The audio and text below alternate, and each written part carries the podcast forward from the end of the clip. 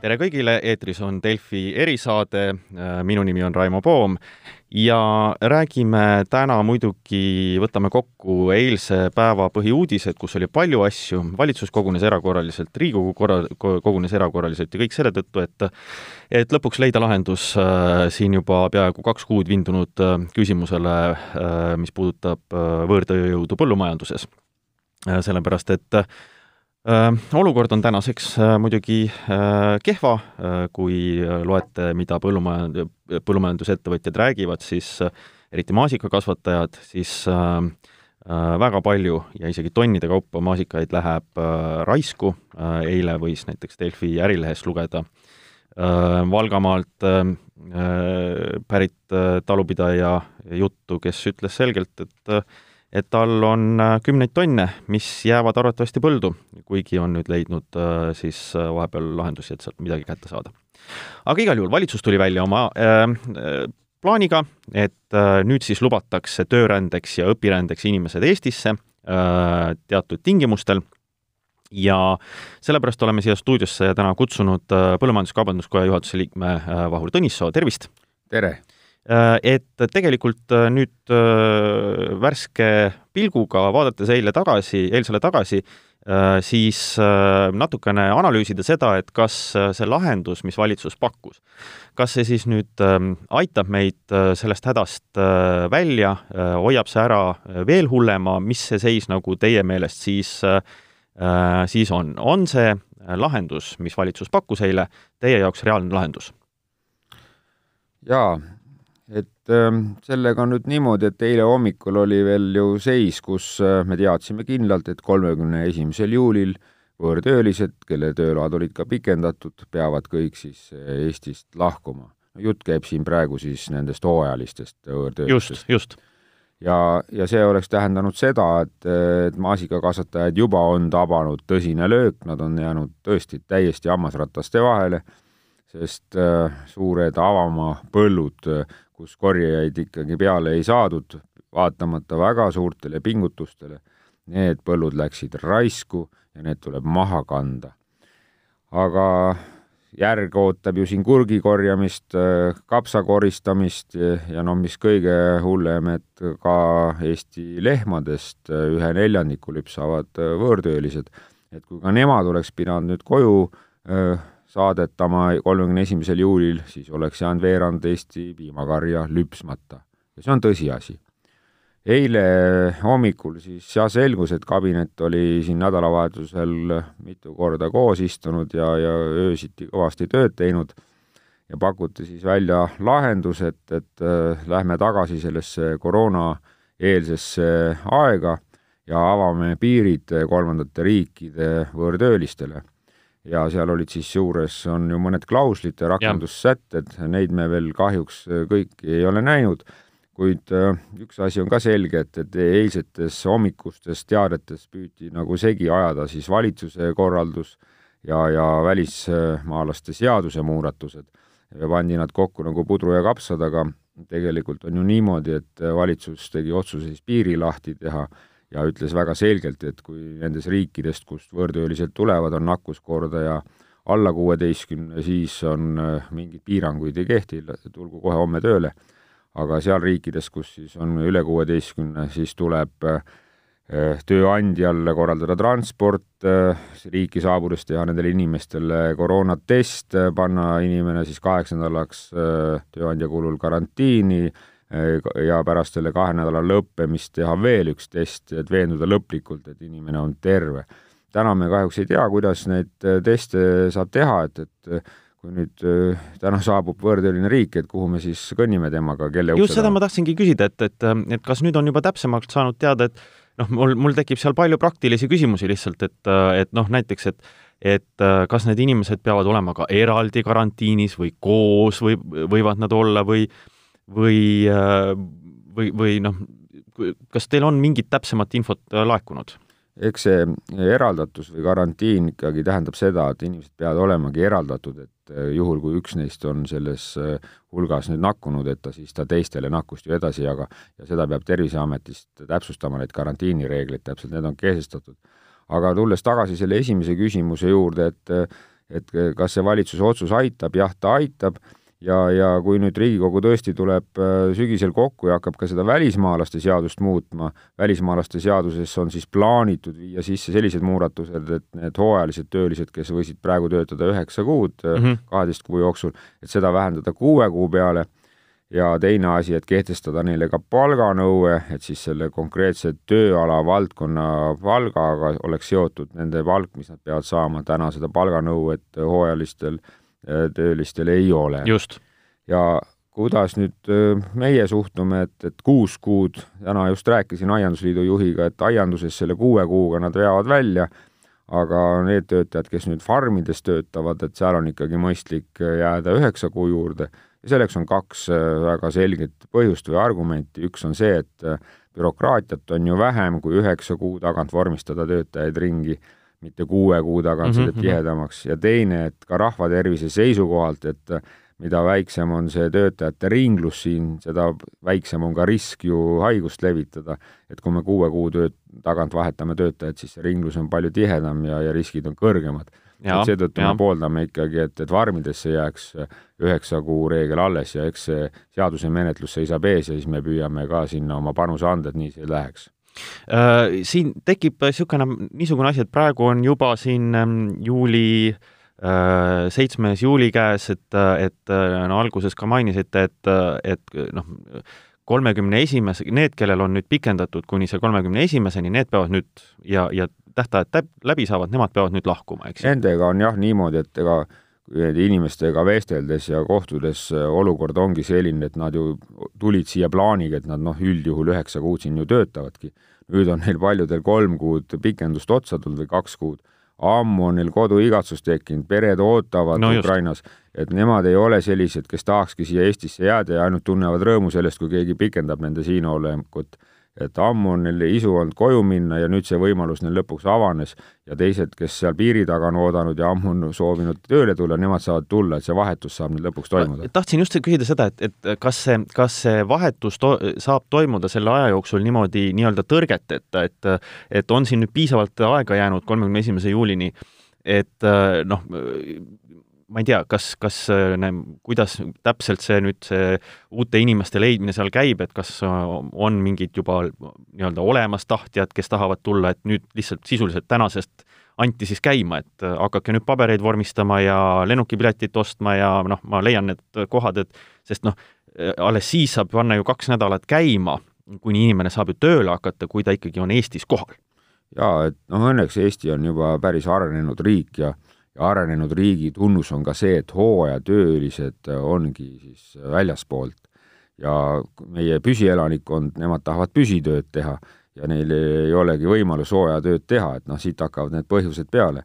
ja need hooajatöölised on ju siin põllumajanduseski viimastel aastatel juba olnud mitmeid aastaid. Ja üldjuhul on niimoodi, et needsamad töötajad tulevad hooajaks tagasi samasse ettevõttesse et nad tunnevad seda ettevõtet, teavad seda töökorda seal, tun-, noh, traktoristid näiteks tunnevad põlde, farmitöötajad tunnevad neid loomi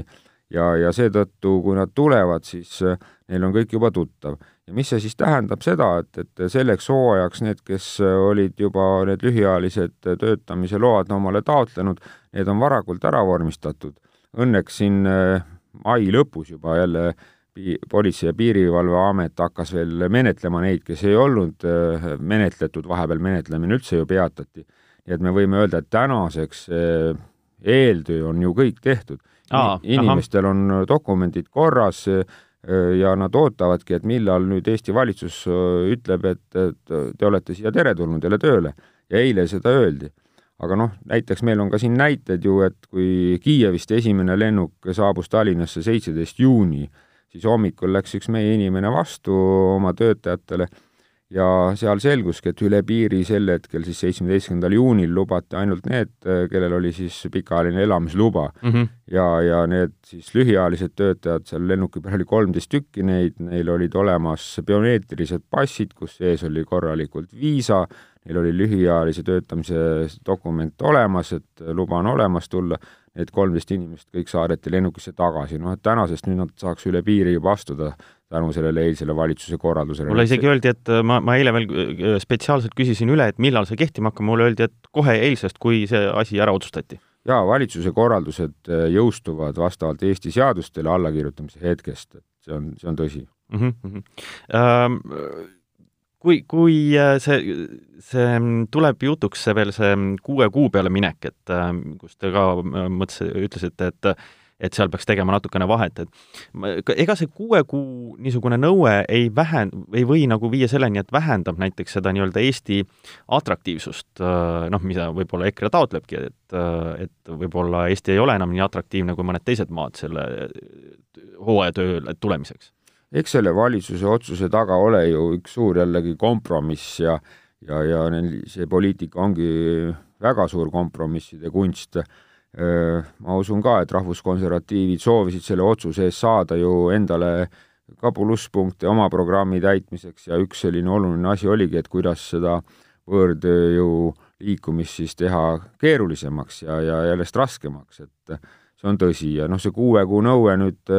nende silmis tähendaks ju seda, et, et kuus kuud ta siis töötab siin ja kuus kuud on siis kodus. jah, see on tõesti vähem atraktiivsem aga samas aiandusvaldkonnas ju tööd ongi sisuliselt kuueks kuuks intensiivselt, et need inimesed, kes aianduses käisid, nemad on sellest teadlikud ja, ja see ei ole probleem. Aga farminduses on teine asi, farmindus töötab ju meil aastaringselt ja, ja need hooajatöölised ongi siis käinud niimoodi, et üheksa kuud töötavad, kolm kuud on kodus oma perega, no täiesti normaalne, eks. ja, ja siis tulevad jälle tagasi, teevad üheksa kuud tööd ja jälle on kolm kuud kodus oma perega nii et äh, see on lahendus, mis on kasulik nii nendele Ukraina inimestele, nad õpivad siin meie lääne demokraatiat, õpivad lääne moodsat majandust ja ma usun, tulevikus on neist siis ka Ukraina riigile palju rohkem kasu ja Ukraina riik saab tugevamaks. samas äh, meil saavad need tööd tehtud, mida Eesti inimesed kahjuks ei soovi teha. täna on ju meil üheksasada äh, vaba töökohta põllumajanduses, näiteks ka Töötukassas üleval, aga aga keegi eriti väga ei kipu sinna ja need, kes siis sunni korral sinna Töötukassa saadab, nad on nõus seal farmis paar päeva siis veetma või, või pool päeva isegi mõned ja pärast seda on nad sealt jälle kadunud. nii et eh, kui võõrtöölised tulevad, teevad pingsalt tööd, maksud jäävad Eestisse, et, et see on kõigile osapooltele päris kasulik, et tööandjad saavad tööjõu, eh, töötajad saavad siis oma tulud ja riik saab maksud, et, et see on väga hea süsteem, et mina ei näe siin midagi halba mm,. Äh, aga seal on äh, just nimelt äh, niimoodi äh, öeldud ju, et, et selle põhjuseks võib olla äh, liiga väikeste palkade maksmine, et kas, kas seal makstakse liiga väikseid palkasid, et, et nii-öelda kohalikku elanikkonda või kohalikke inimesi siis meelitada rohkem? eks neid asju peab üle kontrollima iga üksiku ettevõtte puhul konkreetselt, aga mina olen rohkem kursis just farmi tööga ja, ja lüpsjatele palgad ongi samad, mis Eesti inimesed saavad, sama saavad ka võõrtöölised, suurusjärgud on seal brutos tuhat kakssada, on kohti, kus isegi makstakse tuhat nelisada, on kohti, üksikuid kohti isegi, kus tuhat kuussada makstakse mm. brutos palka. nii võõrtöölisele kui ka Eesti inimestele, et see sõltub täiesti sellest ettevõttest. nii et mina ei näe kuidagi, et, et see palk oleks nüüd see asi, mis äh, probleemi tekitab, sest noh, kui palka ei maksta, sinna tööle ka ei minda, et inimesed ju suhtlevad tänapäeval, sotsiaalmeediat, kõik töötavad, võrgustikud töötavad ja katsu sa seal kusagil mingit madalamat palka teha, et see, see ei lähe läbi lihtsalt. Mm.. Ähm, korraks veel tulles selle nii-öelda aianduse poole peale või, või siis, või siis taimekasvatuse poole peale, et et mis, nüüd maasikad on ju kõige varajasemad asjad, aga mis asjad nüüd siis veel ootavad äh, järjest äh, korjamist, niisugust hooajatööd ähm, linnainimesele lihtsalt ära selgitades, mis, mis on järgmised suured tööd, mis nüüd põllumeestel ees seisavad? eks jaeaianduses hakkab tegelikult ju peale veel taimede istutamine kõige esimeses etapis ja siis tulevad rohimistööd ja siis saavad esimesed marjad valmis ja need ongi ja maasikad. ja sel aastal tõesti on niimoodi, et, et avamaadel kujutate ette, et kakskümmend viis protsenti saadakse sealt siis maasikaid ilusaid kätte ja seitsekümmend viis protsenti tuleb ära visata. noh, ja kui põllu pealt äh, näiteks sealt ühelt hektarilt saame seal kümme äh, tonni maasikaid, et siis see tähendab ju seda, et et see äh, kogus, mis ära visatakse, on ikka seitse ja pool tonni, et, et see on korvamatu kahju. ja, ja nüüd järgmised asjad, mis tulevad, noh, hernes on praegu juba ju paljudel valmis saamas ja ja kes aeda peab, ju teab täpselt, et noh, kurgid on täna juba ju avamaal ka täitsa olemas ja, ja sügise poole tulevad kapsad kindlasti, et äh, niimoodi see aianduselu käib, et riburada pidi saab kõik asjad ära korjata ja paljud nendest võõrtöölistest, kes aianduses on töötanud, need, nemad ongi olnud ka niimoodi, et ettevõtted on need liigutanud, et seal, kus parasjagu on see intensiivne korjamisperiood, nad on seal ja siis äh, järgmises ettevõttes saavad järgmised kultuurid küpseks ja on vaja ära korjata, siis nad on ka sinna liikunud, et mm. see on selline äh, konveiersüsteem olnud ja Eesti majandusele väga kasulik, et, et nad nii et nad töötavad nagu selle, selle perioodi jooksul mitmele ettevõttele, et noh, alustavad, ma ei tea, seal siis osad... maasikast ja siis, siis lähevad kurgikasvataja juurde ja lõpetavad kartuli- ja kapsamaal. täpselt, täpselt niimoodi, et, et nad on siin koormatud kogu selle hooaja ja see ongi väga mõistlik ju niimoodi tööjaotus ära korraldada, et, et kui inimesed on kohal, et siis neil kogu aeg töö oleks olemas ähm, nüüd äh, no loodame nüüd, et, et need kõik need, mis järgmised valime, siin herned ja kapsad ja kõik need saavad äh, korjatud, aga siin on ka maasikakasvatajad äh, sisuliselt küsinud, et kas valitsus ei peaks seda kompenseerima, seda neile, seda kahju, mis tekkis sellest, et noh, lihtsalt tekkis poliitiline patiseid ja sellepärast ei saanud need töölised tulla ja nad ka ei leidnud kohal, kohalikke sinna asemele, et noh, mis me teeme, fakt on see, et nagu te ütlete, kuni seitsekümmend viis protsenti maasikatest läheb raisku, et noh, see noh, see ei lõpe ilma kahjudeta kasvatajatele. Et kas see tuleks kompenseerida? see on selline tõsine järelemõtlemise koht, sest Eesti Põllumajandus-Kaubanduskoda alustas ju kohe märtsikuus juba valitsusega läbirääkimised, et kuidas need asjad lahenevad ja tõele au andes mina oma vaimusilmas nägingi märtsikuus neid hallitanud ja mädanenud maasikapõldude pilte, sest ma sain aru, et, et mingisugust äh, plaanigi ei ole tõsist muutust valitsusel teha, et need maasikakorjajad siia sisse lasta. nii et äh, täna äh, võib öelda, et kui eile valitsus selle otsuse tegi, siis valitsus jäi kolm nädalat hiljaks. ja see on päris põhjendatud küsimus, et, et kui nüüd valitsus jääb kolm nädalat hiljaks ja seetõttu ettevõtjad kannatavad päris suurt kahju, et äh, kuidas siis äh, seda kahju kompenseerida.